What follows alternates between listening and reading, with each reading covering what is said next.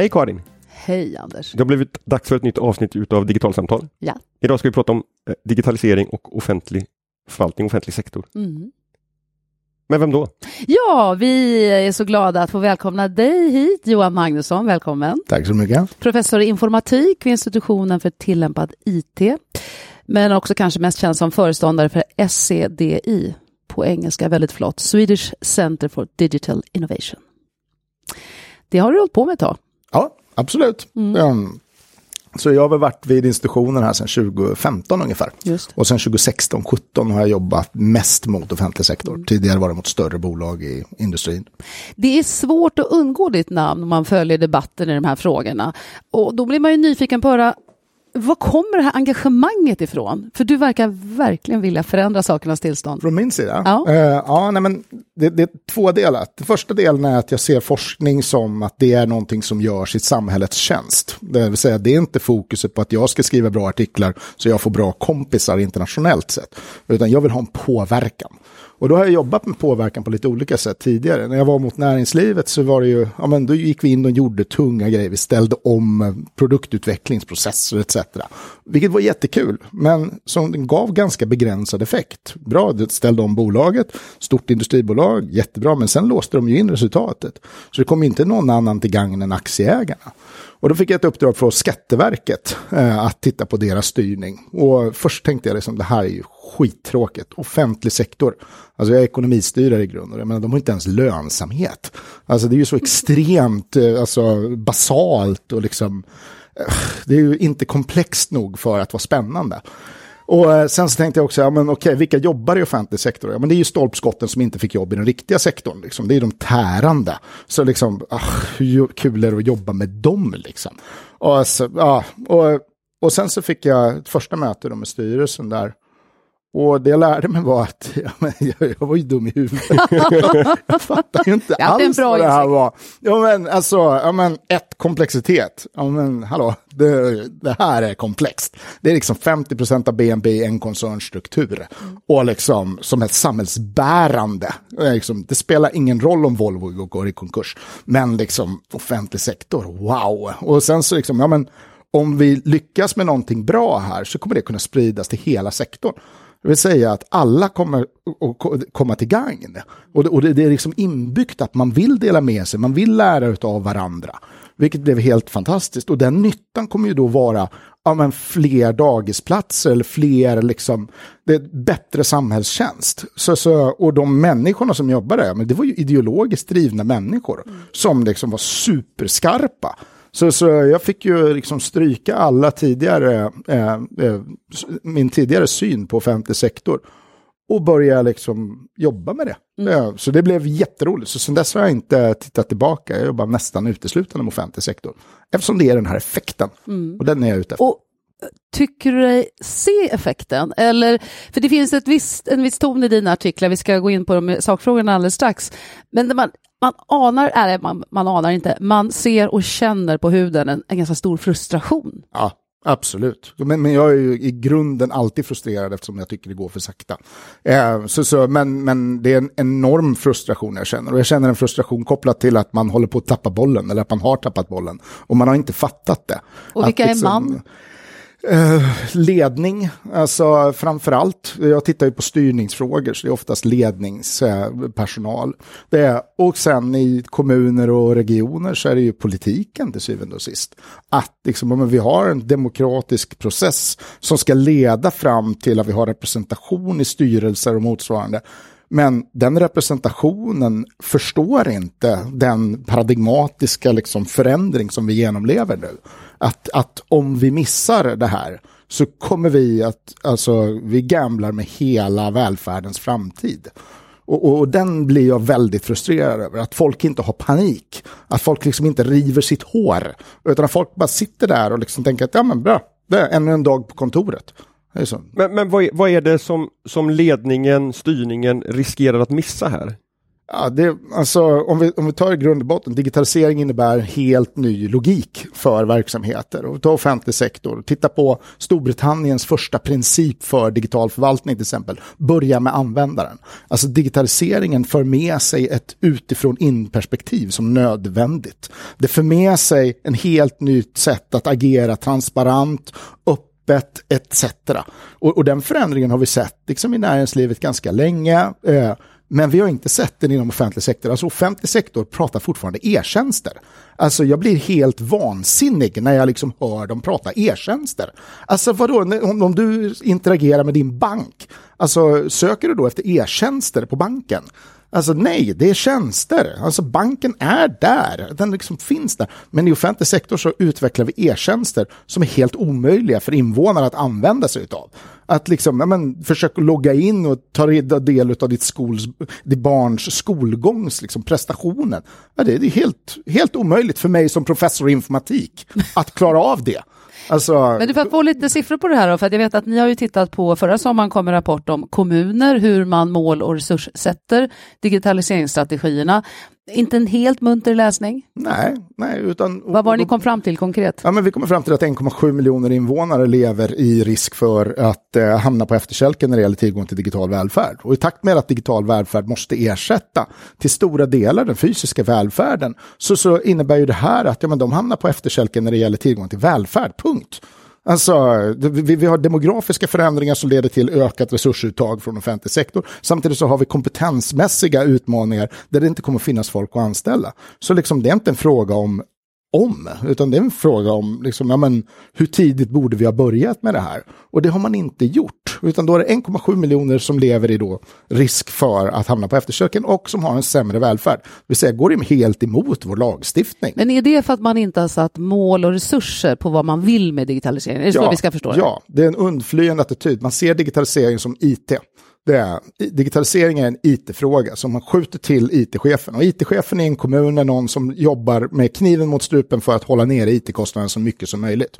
Kommunerna har backat när det gäller it-kostnader under de senaste fem åren. Eh, näringslivet har gått framåt 5% Men där har man fattat att ja, men om vi vill öka digitaliseringen då måste vi också öka andelen it-kostnader. Vi ersätter, vi förändrar kostnadsstrukturen i kommunen och går mot mer och mer digitalt. Men det har man inte fattat, utan man har satt ett tak på it-kostnad. IT får inte bli dyrare, men vi ska digitalisera allting. Okej, okay, men hur, hur, får vi ihop det där? Jo, men det är ju genom att vi antar, vi, vi, definierar inte digitalisering till exempel. Det ser vi som ett jätteproblem. Nu är en rapport från eh, eh regionerna. 50 procent har inte definierat digitalisering i sina digitaliseringsstrategier eller i andra stödjande policydokument. Alltså, då kan du bli bäst i världen på digitalisering. Men det är jättebra att du hänger kvar vid, eller kommer till den definitionsfrågan, för jag, jag, eh, satt och tänkte pausa det här, för, för du, du säger digitalisering är inte IT, det är någonting som man hör ganska ofta, men kan du konkretisera, ja. vad, vad, är, vad, är, skillnaden mellan digitalisering Digitaliser och IT? Digitalisering är en metod för verksamhetsutveckling, där vi använder digitala lösningar till antingen automatisering eller innovation.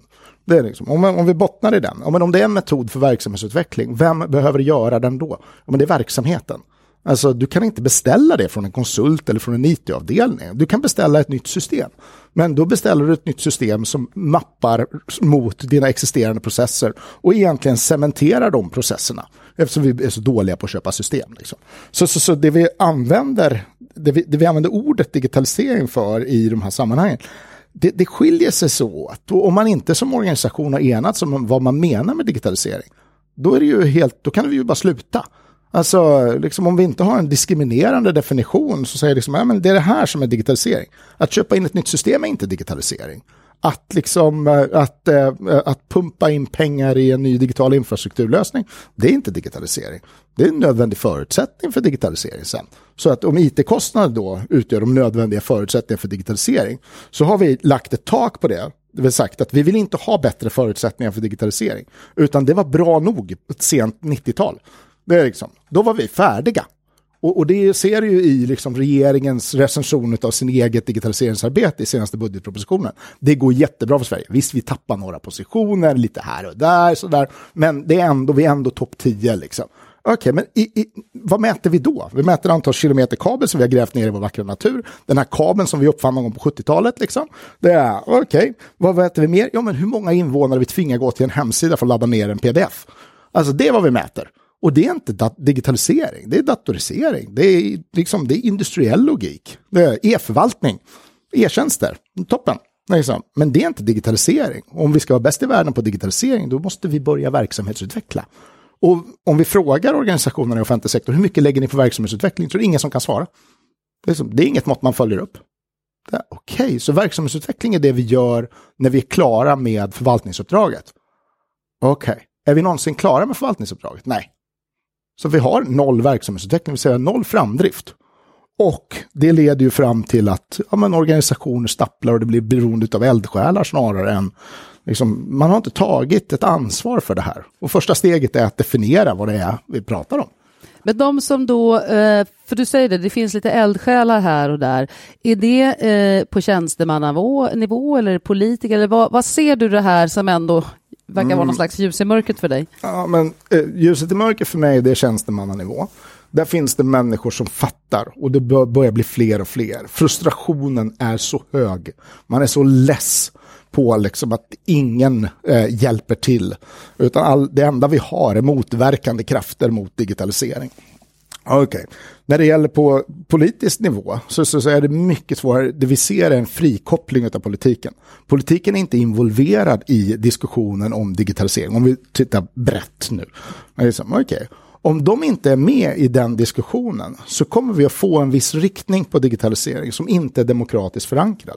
Så, så i den där rapporten som det hänvisar till om kommunernas digitaliseringsstrategier, om det inte finns en skillnad på en vänstermajoritetsstyrd kommuns digitalisering och en högermajoritetsstyrd kommuns digitalisering, men de försöker ju, de är valda för att realisera idealsamhällen. Alltså, då borde ju, alltså Kina och Estland använder inte digitalisering på samma sätt. Men i Sverige verkar vi se digitalisering som värdeneutralt.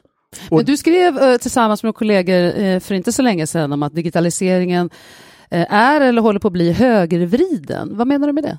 Um, om, om vi, det, där är ju en, uh, ingressen uh, sätts ju oftast av journalisten. Uh, men, lite men, spetsig då. Ja, den blir lite spetsig. Men, men om, man, om man hårdrar det och säger så här att, ja bra, Solna, Solna eftersträvar den lägsta kommunalskatten. Bra, då ska kostymen vara så liten som möjligt. Vi ska öppna upp för samarbetspartner i näringsliv, vi ska utkontraktera eller lägga ut en stor del av välfärdsuppdraget. Jättebra. Där har du vad jag skulle se som en högerdriven eh, digitalisering. Att det, men, vi ska använda digitalisering för att öka intern effektivitet, punkt. Vi ska inte expandera värdeerbjudandet som liksom kommunens välfärd kan, liksom, eh, eh, kan vara, utan vi ska begränsa den snarare. Den, Bra, om vi tar en vänstermajoritetsstyrd eh, kommun, då skulle jag förvänta mig att det idealsamhället de vill realisera snarare har att göra med att expandera värdeerbjudandet, att nå ut till fler, att säkerställa så att välfärden når liksom ända ut i de svagaste delarna av samhället.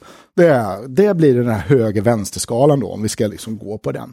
Och det vi ser, det är att oavsett majoritetsstyre i de här kommunerna så har man i grund och botten samma syn. Och det är att digitalisering är ett sätt att öka inre effektivitet. Punkt.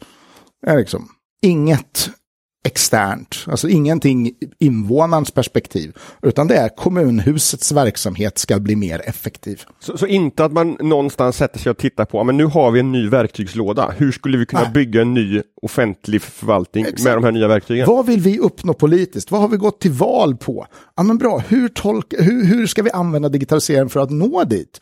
Liksom det idealsamhälle som vi faktiskt är valda Men kan det inte vara så att politikerna tänker att vi, vi gör det här effektivt först och sen fortsätter vi på vår eh, politiska väg som vi ändå står för vår ideologi. Måste, det här, måste man liksom använda digitalisering eller ta liksom politiska beslut kring själva digitaliseringen? Ja, det, och det är för att digitalisering inte är ett självändamål.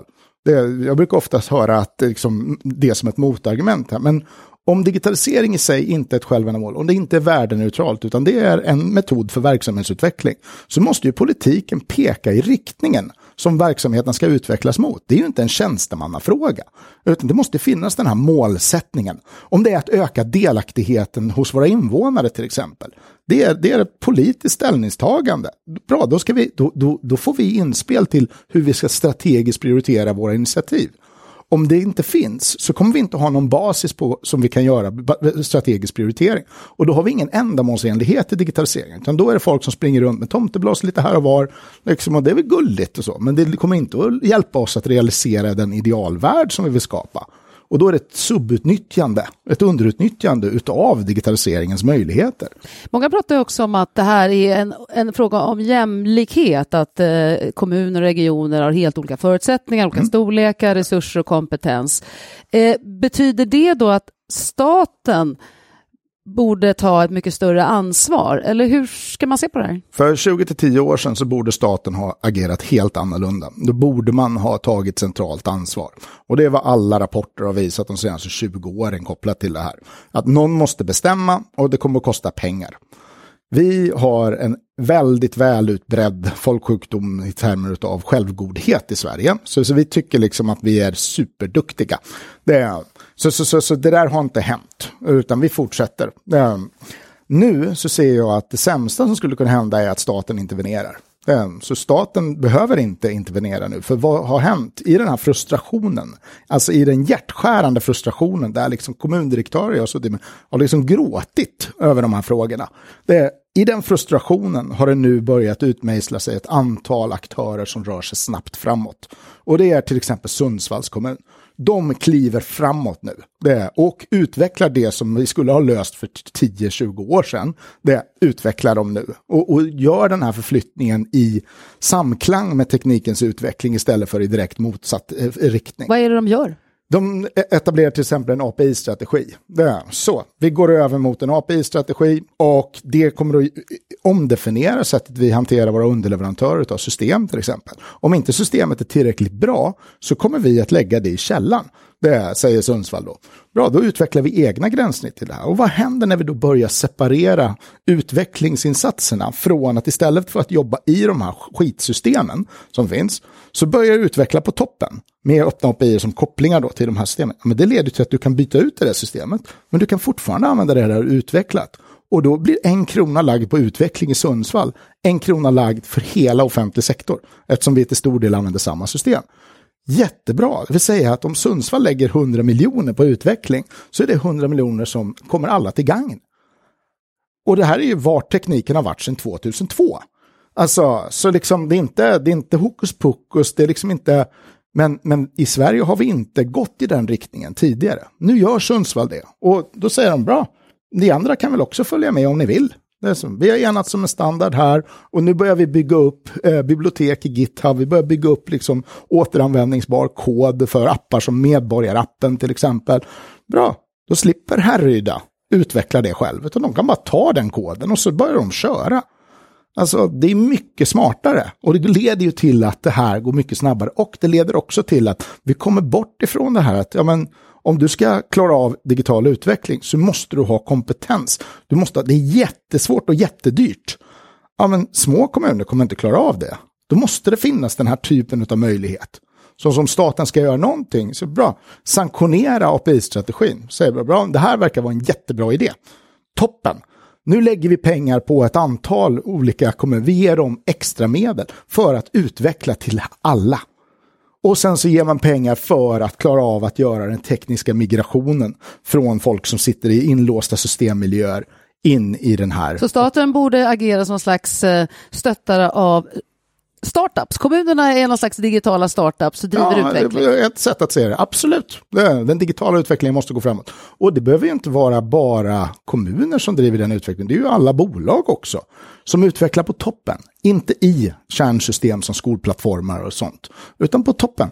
Så att det kan återanvändas och det kan användas till flera olika eh, syften. Men, men för, för mig, så när, när, du pratar om en API-strategi och det är olika nivåer i en, mm. i en mm. mjukvarustack och så vidare, ja. så är vi fortfarande i en ganska teknisk diskussion ja. som, som är IT-nära. Ja. Men, du, men du pratar samtidigt om att det vi vill åstadkomma är digitalisering. Mm. Hur, hur främjar det som Sundsvall gör mm. på, på tekniksidan möjligheterna till digitalisering. Ja, men då, då, kan vi ta, hur styr vi nu? Vi använder något som, eller de flesta kommuner då, till exempel använder något som heter PM3. En modell, en styrmodell för systemförvaltning och utveckling som är byggd för att motverka utveckling. Det är liksom. så, så, så om vi då gör det här skiftet så kommer du att minska tröskeln för utveckling. Du kommer kunna skapa eh, snabbare rörelse. Det vill säga att bra, verksamheten vill utvecklas. Ja, men gå in och kolla, är det något av det här som ni kan använda? Ja, men det där kan vi använda rakt av toppen, eller det här måste vi anpassa lite. Ja men du, om vi anpassar det till dig så kanske är det okej okay om vi gör det här också, för då funkar det för resten av förvaltningen också. Ja men visst, inga problem. Då kommer du liksom att minska det, för andra har tagit första steget redan. Det kan ju bli en inspirationslåda. Ja men hur vill jag, idag är jag sugen på att utveckla vår verksamhet. Jag går in här och kollar vad det finns för coola tjänster som andra har utvecklat för att förbättra eh, eh, eh, biståndsprocessen till exempel. Ja, men det är ju topp. Det är dit vi vill komma. Alltså minska trösklarna för utveckling. Ja, just det. För, för, att, för att genom att bygga den tekniska infrastrukturen på ett annat sätt så, så bygger du någonting som det går att innovera ovanpå yes. istället för att bara fortsätta förvalta en på det sättet som plattformsstrategi liksom. Mm. Bra, vi enas om den här plattformen och sen så all utveckling på toppen, alla appar liksom, ja, men de kan vi koppla in, slänga bort, koppla in, slänga bort. Men du, ändå så hör man ju ganska ofta att man, man, saknar ett engagemang kanske från staten istället för att säga att vi ska bli världsbäst på digitalisering. Så vad är det då staten borde göra konkret om du nu tycker att det är bättre att utvecklingen sker ja. eh, ute i landet där det finns eh, kraft och energi? Va, staten, är... staten har en jätteviktig roll i termer av att bereda mark lagmässigt. Alltså de behöver förändra lagar. Vi har jättemånga lagar som är direkt eh, antika liksom, när det gäller det digitala. Vad tänker du på då? Ja, men, eh, eh, offentlig upphandling, eh, personuppgift, eh, eh, automatiserade beslut, etc. etc. Alltså, så, så, så, det finns massa sådana bitar där vi måste ha en helt annan framdrift än vad vi haft tidigare. Och det, det, kan inte hela tiden vara så att vi bara väntar, för, för det där har en sån konserverande effekt. För att det värsta du kan göra i offentlig sektor, det är att göra något fel. Så folk är rädda för att bryta mot lagen. Det, det de skulle behöva göra det är att ja, men vi ska bryta mot lagen. Vi kanske inte ska bryta mot alla samtidigt, men vi ska punktmarkera. Vi ska ha juristerna med från början så att de kan hjälpa oss att ja, men det här måste vi ta till domstol. Vi ska inte sitta och förhandla med oss själva i den här frågan. Ta det till domstol, bra, hur blev det? Ah, det blev sådär, okej, okay. måste vi ändra lagen lite? Okej, okay, skicka upp det. Där har de, de måste vara jättedrivande i det. Nästa grej som de behöver vara drivande i det är att ja, men när ny lagstiftning kommer från EU-nivå, alltså GDPR eller Schrems 2 etc. Då kan inte det liksom helt plötsligt resultera i total panik i offentlig sektor och ett stopp på all utveckling. Alltså hur många människoliv har Schrems 2 kostat? Än och Schrems 2 får du förklara för, för mig. Eh, datatransport, mm. liksom. Så, så, så, då kan vi inte använda molntjänster. Det är liksom en tolkning av det då. Och det är den här förhandlingen med oss själva. Då kommer liksom Skatteverket och om det var Kronofogdemyndigheten mm. ut och säger bara vi kan inte använda Teams. Nähä, okej. Okay. Så vad ska vi göra istället då för att använda den här som alla använder, liksom, det, här sättet att kunna prata med varandra? Bah, men vi ska ge en annan myndighet i uppdrag att utveckla det här. Mm -hmm. Okej, okay.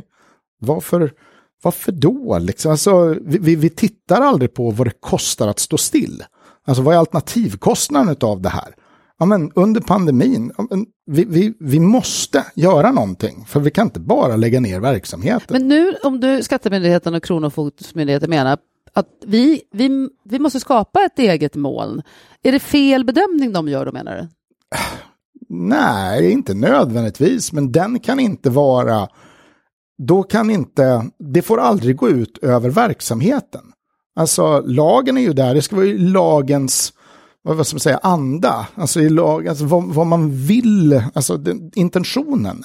Det, men vi fastnar, vi går inte på intentionen, vi går på liksom, egna tolkningar av potentiella risker där vår idé ska vara att ta noll risk. Och det är liksom, då hade du väl fått, ja men bra, nu kör vi vidare på det här tills dess att vi har utvecklat det här andra. Toppen, det är helt fint. Du efterlyser egentligen större mod då, att säga att vi, vi testar det här, ja. vi provar var gränsen ja. går.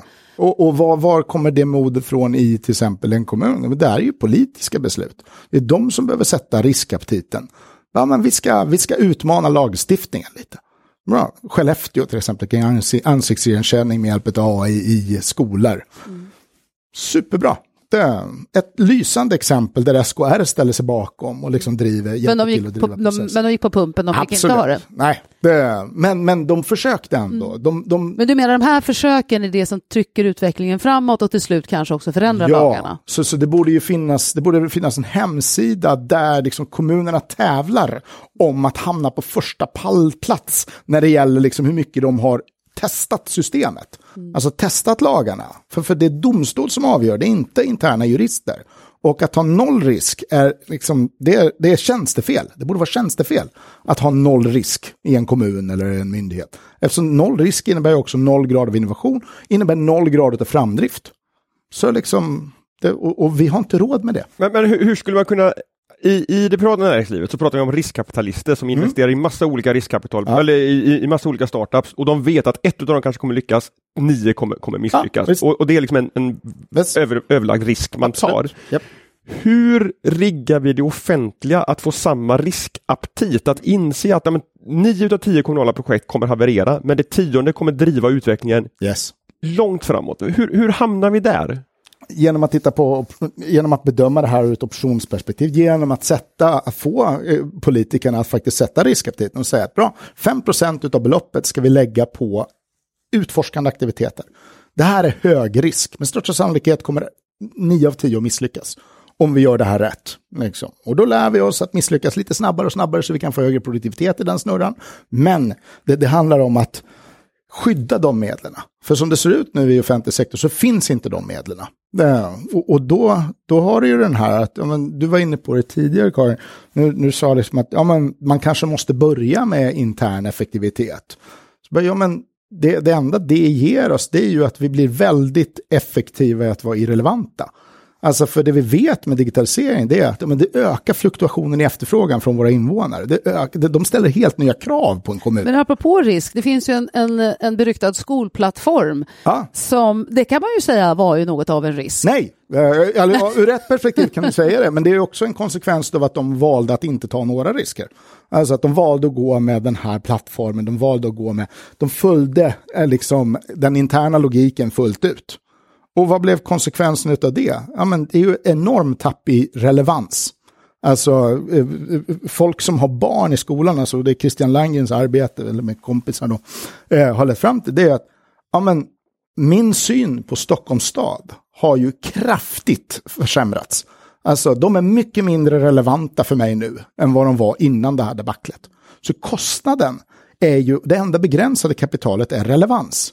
Alltså det är det enda Men begränsade man kan ju ändå tänka sig att, att syftet med den där plattformen var att det skulle bli en relevant tjänst. Den Mm. skulle funka väl. Absolut. Alltså, intentionen var ju säkerligen det. Yes. Men var felet att det var helt enkelt en dålig teknisk lösning eller vad, Eh, ehm, utan att bli för teknisk? Ja. Bara för att förstå det här. För att man, det man, man tog har man beslut om, massa pengar. Ja, och, och det, det är, du ser det där om och om igen. Och, och det vi har landat i det är att vi måste ha ett antal princip, eh, skallkrav på principnivå vid offentliga upphandlingar av systemlösningar. Ett, vi äger och kontrollerar datan. Alltså det är kommunens data, det är regionens data, det är inte leverantörens data.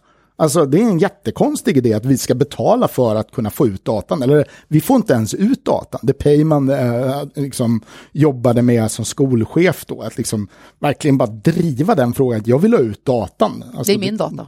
Ja, det, var, det var omöjligt givet hur, hur avtalen såg ut. Vi kan inte sätta sådana avtal om datan är viktig. Om datan ska vara grunden för AI-utveckling etc.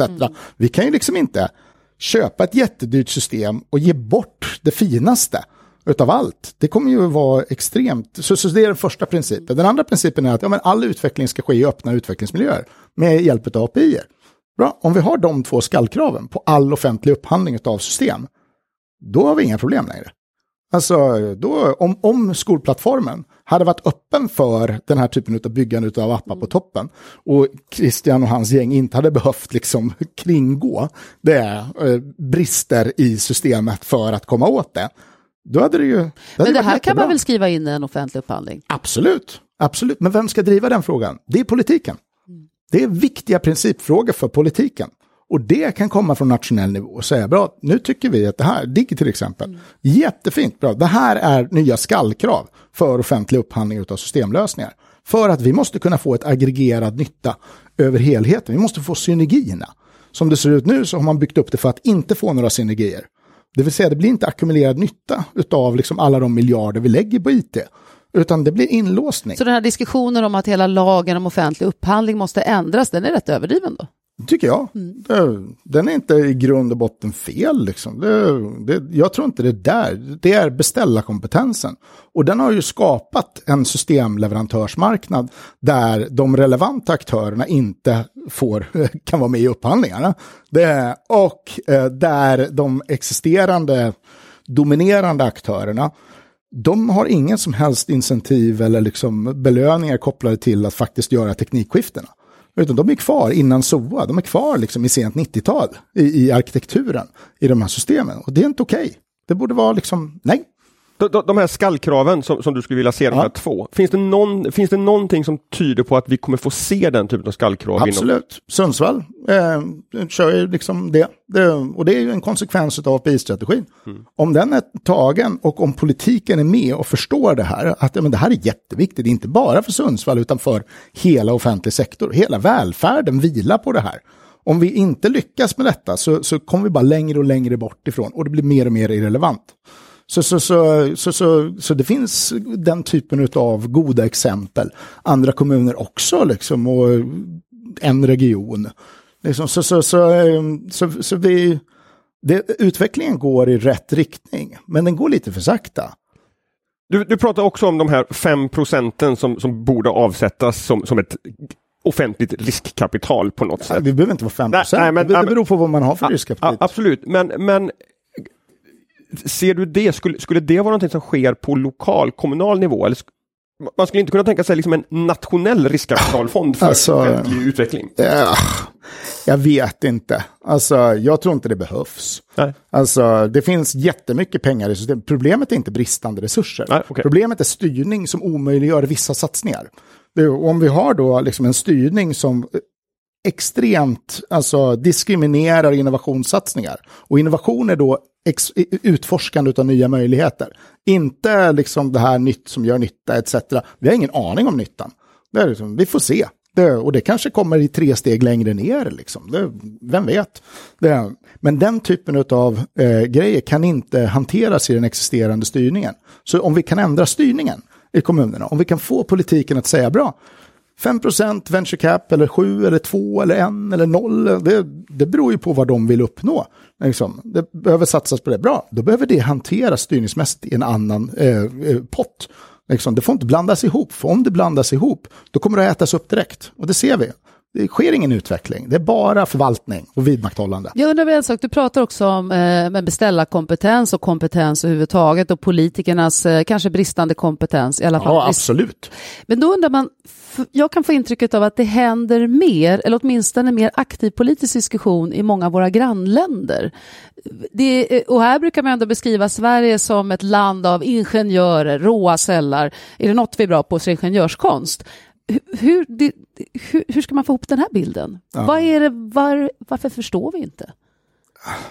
Jag tror att det är en del självgodhet. Alltså, vi är ju så mycket bättre än de här andra nordiska grannländerna. så de är ju lillebror och lilla syster och liksom, de är ju söta. Liksom. Det, så, så det finns den där självgodheten som ligger som ett raster som hindrar oss från att se verkligheten. Sen så har vi också alltså, självbevarelsedrift från regeringen, att liksom göra de här recensionerna, inte välja de nyckeltal som OECD-analysen där vi ligger sist, liksom, utan att välja EU-analysen där vi har pumpat ut jättemycket bredband. Liksom.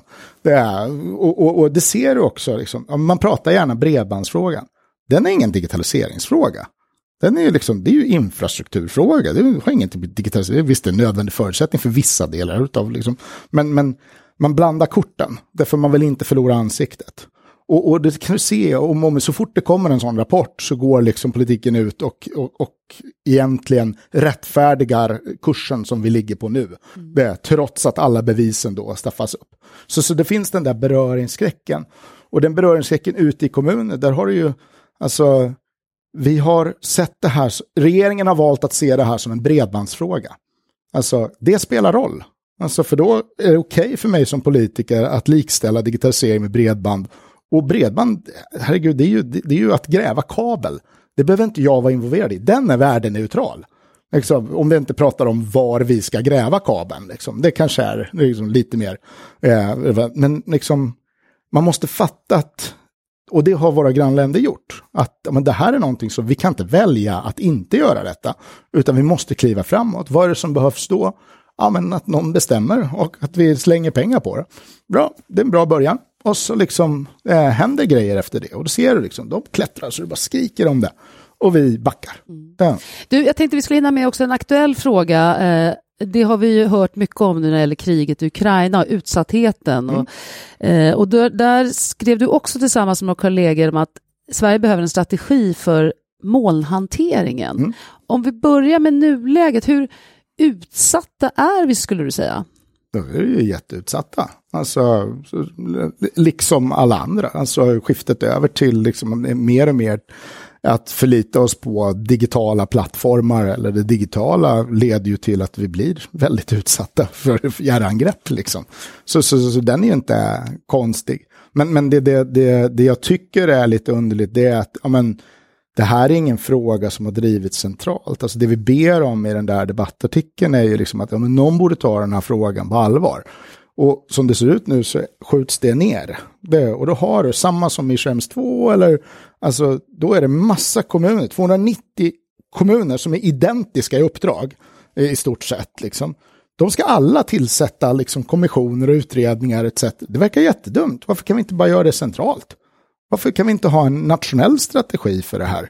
Det verkar mycket smartare, alltså rent resurseffektivitetsmässigt och också liksom ja, men alla de här kommunerna eller regionerna eller myndigheterna, men de kanske inte har tillgång till rätt kompetens för att ta ställning till den här frågan. Det kanske är för mycket begärt av en myndighet med 30 pers att liksom de också ska vara experter på molnfrågan.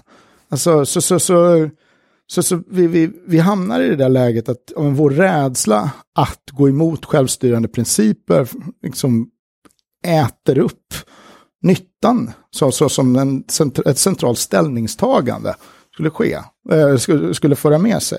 Och den är jätteoroväckande. Vi måste våga ta ställning till de här frågorna. Det är liksom...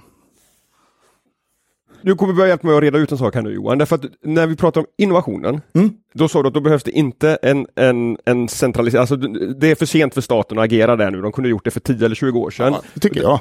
Och, och där är det bra, liksom det som Sundsvall gör som en av 290 kommuner. Ja, och sen med, med mindre innovationsbolag. Liksom. Alltså, det är ju, offentlig sektor kommer inte klara det här själva, utan det måste, näringslivet måste med.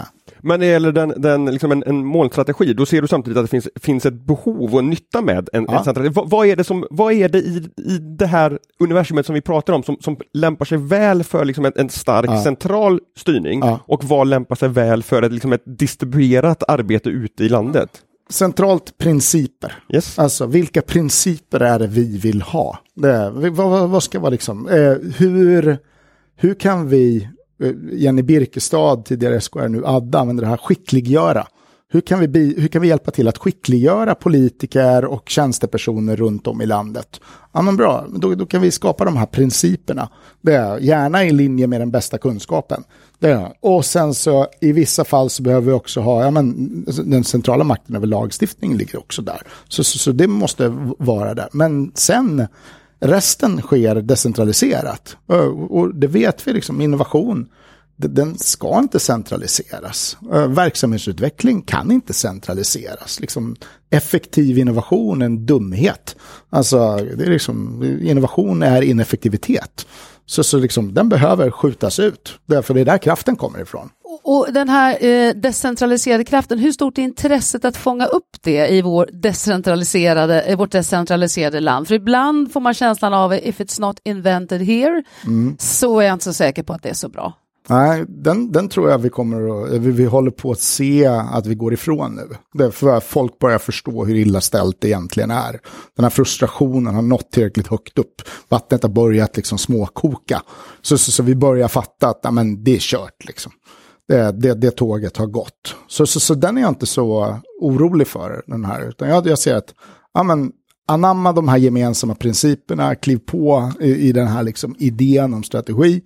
Och sen så börjar vi jobba lokalt med innovationsfrågan eller återanvändningsfrågan etc. Så, så äh, jag, jag är inte, den är jag inte så orolig för faktiskt. Eh, vi har pratat om resursavsättning Mm. som en del här. Jag tänker på en annan del som, som jag har sett i näringslivet många gånger och det är ju liksom hur, hur större organisationer tar ett aktivt man, man ser att man börjar tappa sin innovationskraft. Mm. Eh, jag har skrivit om, om startupbolag som har växt sig stora och som ser att vi är inte innovativa längre och så har de inrättat liksom, innovationshubbar Mm. internt. Man har satt dem på en fysiskt annan plats för att de ska komma bort från Ja. den dagliga verksamheten. Stora bolag köper upp startupbolag och så vidare. Vad finns det liksom vad kan det offentliga hämta för inspiration från hur det privata näringslivet jobbar med innovationsfrågor? Du som var liksom Ja. tidigare forskare Ja, ja, där och nu är här. Ja, men vi kan säga, jag ser i grund och botten ser jag skapandet av en innovationshub som ett misslyckande eh, för en organisation. Det är ett nödvändigt misslyckande det, och det, är liksom en, det, det visar på sjukdomsinsikt. Men liksom, ta, ta SE-banken till exempel, SEBX då. Ja, men var sker, ja, men innovation sker där borta. Den den sker inte i verksamheten, utan den sker där borta i källan där så att den inte ska kunna störa så mycket som möjligt. Vi försöker liksom tygla den naturkraften. Det, så, så på ett, i, I de flesta organisationer som vi studerar så är den här innovationshubben ett nödvändigt första steg. Men om du stannar där så, så, så får du liksom, du får inte den riktiga kraften. Då ser vi snarare att ja, men varje projekt behöver ha en innovationskomponent. Och varje projekt har en innovationskomponent som vi döljer. Det, det leder till att vi inte får en skalning. Menar du den, då? utan Vi döljer den genom att men enda sättet att få igenom en investering eller att få igenom ett initiativ det är att låtsas att det är inre effektivitet. Det, och så vet man liksom, så vi gjorde en studie på eh, Skatteverket som var jättespännande, där vi hittade 20% skugginnovation. Okej, 20% av ett portföljvärde på 3 miljarder är då skugginnovation. Det vill säga icke-sanktionerade innovationsaktiviteter. Hmm. Varför då? Jo, men styrelsen vill ha ungefär 25% innovation. Det, det, de ser att det är risken som de behöver ta för att Skatteverket ska klara sig över tid. Liksom, det, är bra, det är det utrymmet. Bra. Sen tittar vi på portföljstyrningen, alltså där, där de prioriterar projekten. Då var det 0 eller 2,5% innovation. Det, och det var väl därför de kallade in oss, för vi tror inte vi får innovation längre, trots att vi vill ha det. Okej, det är styrningen som gör att ja, men enda sättet att få igenom en investering eller en satsning är att låtsas att det här är ren innovation. Det, och liksom, bra. Men sen pratar vi med, med, med, med de här eh, projektägarna, eller projektledarna. Och ja, men hur lägger du dina resurser då i projekten? De la ju jättemycket på innovation. Alltså för att de fattar att ja, men utan den, så utan utforskande så kommer vi liksom inte komma någonstans. Så, så vi måste göra det, men jag får ju låtsas som att jag inte gör det det och det leder ju till att men vi kan inte skala nyttan. Jag förskingrade tre miljoner och lärde mig jättemycket när det misslyckades. Det kommer ju ingen att säga. Liksom. Eller jag förskingrade tre miljoner och det blev jättebra, så nu kan vi skala det verksamhetsövergripande. Det kommer inte att ske. Alltså, så liksom, vi har en sämsta av världar där styrningen direkt motverkar eh, innovation. Eftersom innovation är ineffektivitet. Det, och det viktigaste för vår verksamhet är att vara så effektiv som möjligt. Great landing, wrong airport. Du, jag tänkte vi skulle sluta där vi började, för att eh, du beskrev ju hur du klev in, apropå Skatteverket, och tänkte här är de tärande och de som är förkorkade för att få jobb i näringslivet och ändra dig. Och nu har du ändå beskrivit, återigen med stor frustration, allt som inte fungerar. Eh, Är du ändå hoppfull för offentlig sektor? Absolut, alltså det här, vi, vi kan rädda det här. Men det kräver att vi gör vår hemläxa och börjar titta på, ja men hur, vad i vår existerande organisering, styrning, ledarskap etc. är direkt motverkande för att kunna tillgodogöra oss nyttorna med digitalisering. Ja men bra, identifiera de grejerna, identifiera det vi kallar patologin och, och ändra det. Alltså det går att ändra på. Alltså det är ju det är inget liksom skrivet i sten att vi inte får, att vi inte ska eh, eh, syssla med innovation till exempel. Det är ju bara att den äts upp i den existerande styrningen. Vad gör den här separationen då? Och så följer vi upp det på det sättet istället. Gör, gör ändringar i styrningen. Då, kan vi, då kommer det gå jättebra. För Sverige, vi har jättekompetent personal, vi har superduktiga medarbetare, vi, vi har liksom stabilitet i samhället så, så, som, som få länder har. Men, men vi måste fatta att sättet som vi har byggt upp våra organisationer på, styrning, alltså den är direkt motverkande för det vi vill uppnå nu. Det, och då, om vi inte då börjar prata om dem, om vi inte då börjar titta på de nödvändiga förutsättningarna, då kommer vi aldrig komma någonstans, utan då kommer vi fortsätta att liksom hälla vatten i en läckande hink. Du pratar om patologi. Det är inte första gången jag, har sett dig beskriva den forskningen som ni bedriver Mm. som klinisk forskning designad för att ge direkt effekt med syftet att rädda välfärden. Mm. Vad, vad, vad, är liksom så här, vad kan ni bidra med? Ja, in i detta? Det, vi, vi går in och säger bra, ni borde designa styrningen på det här sättet. Ta bort de här delarna. Sluta gör det här. Det, inrätta det här parallella stupröret till exempel. Det, det, vi, vi ger den typen av konkret råd. I Sundsvall, ett exempel, ja, men ni borde börja använda investeringsmedel för den digitala infrastrukturen. För att den digitala infrastrukturen kommer leva under lång tid. Och sättet ni hanterar den nu är väldigt kortsiktigt och det är väldigt dyrt att vara fattig. Alltså, så, så använd investeringsbudgeten. De ökade från 2 miljoner till 140 miljoner som en effekt av den rapporten. Och massa andra kommuner börjar höra av sig. Oh, shit, är det här ens möjligt? Bara, ja, det är möjligt, men liksom, ni måste bara börja göra det. Nu ska vi göra samma sak med liksom, öppna data. Att börja hantera det med investeringsmedel, för det är långsiktiga satsningar.